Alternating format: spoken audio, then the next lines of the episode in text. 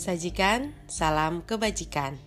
Halo teman-teman pendengar Sajikan Podcast di mana pun kalian berada saat ini Pagi, siang, sore, ataupun malam Ketika teman-teman sedang mendengarkan Sajikan Podcast kali ini Semoga teman-teman dalam keadaan baik, bersemangat, hati yang bahagia, dan hidup dengan penuh rasa syukur Kali ini saya akan menceritakan satu buah narasi ilustrasi yang berjudul Kapak Si Penebang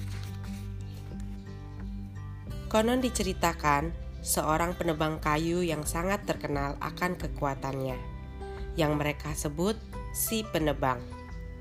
Oleh kemasyuran namanya, menjadikan si penebang kondang di seantero negeri tidak ada yang belum mendengar tentangnya.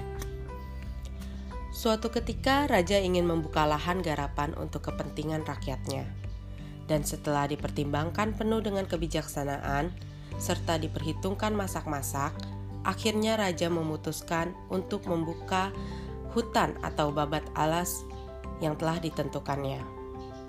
Siapa lagi kalau bukan si penebang yang dipanggil untuk pekerjaan tersebut? Memang hanya dia kiranya yang paling cocok untuk pekerjaan tersebut. Bagaimana dengan si penebang? Tentu saja tawaran pekerjaan itu diterima dengan senang hati. Karena selain mendapatkan bayaran yang cukup tinggi, dia berpikir ini merupakan kesempatan bagus untuk mengabdi pada sang junjungan sekaligus mengukir prestasi di kalangan istana.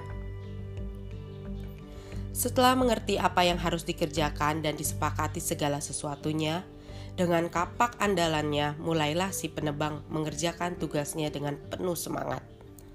Pada hari pertama, si penebang sanggup merubuhkan puluhan batang pohon dengan kapaknya. Namun hari kedua, hari ketiga, dan seterusnya, hasil tebangannya kian menyusut. Bertambah hari, hasilnya kian sedikit. Apa yang salah? Makan cukup, istirahat cukup, kondisi tubuh tetap dalam keadaan prima. Semangat pun masih tinggi. Lalu apa? Apa yang membuat hasil tebangannya merosot drastis? Teliti punya teliti, ternyata kapaknya yang menjadi sebab. Karena sejak awal dipakai, kapak tersebut tidak pernah diasah. Dan tentu setelah dipakai sekian lama dan berulang kali, kapak itu menjadi tidak tajam lagi.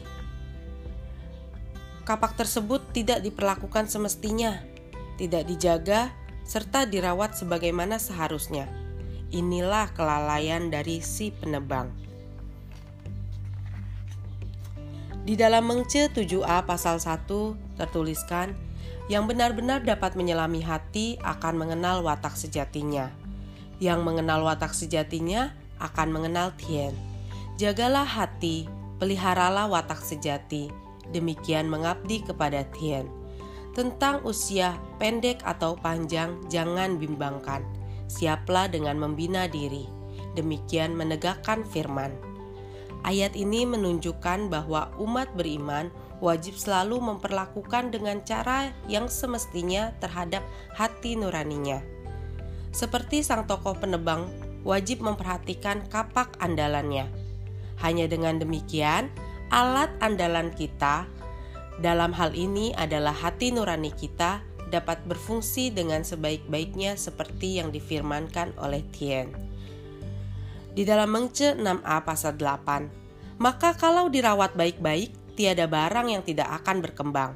Sebaliknya, kalau tidak dirawat baik-baik, tiada barang yang tidak akan rusak. Nabi bersabda, Pegang teguhlah, maka akan terpelihara. Sia-siakanlah, maka akan musnah. Ayat tersebut menunjukkan tentang hati insani yang sebenarnya perlu selalu dipertajam, diasah, serta dijernihkan. Dengan begitu, sebagaimana disabdakan oleh Nabi Agung Kungce, bila kita memegangnya teguh-teguh, pasti nurani insania kita akan senantiasa terpelihara. Sebaliknya, hendaknya kita sadari, walaupun hati nurani itu jernih dan tajam, namun apabila lama tidak diperhatikan, suatu ketika ia pun akan menjadi guram redup, serta tumpul. Terima kasih teman-teman semuanya. Episode kali ini semoga bermanfaat untuk kita. Nantikan episode selanjutnya. Tetap disajikan salam kebajikan dari saya Novita Chong.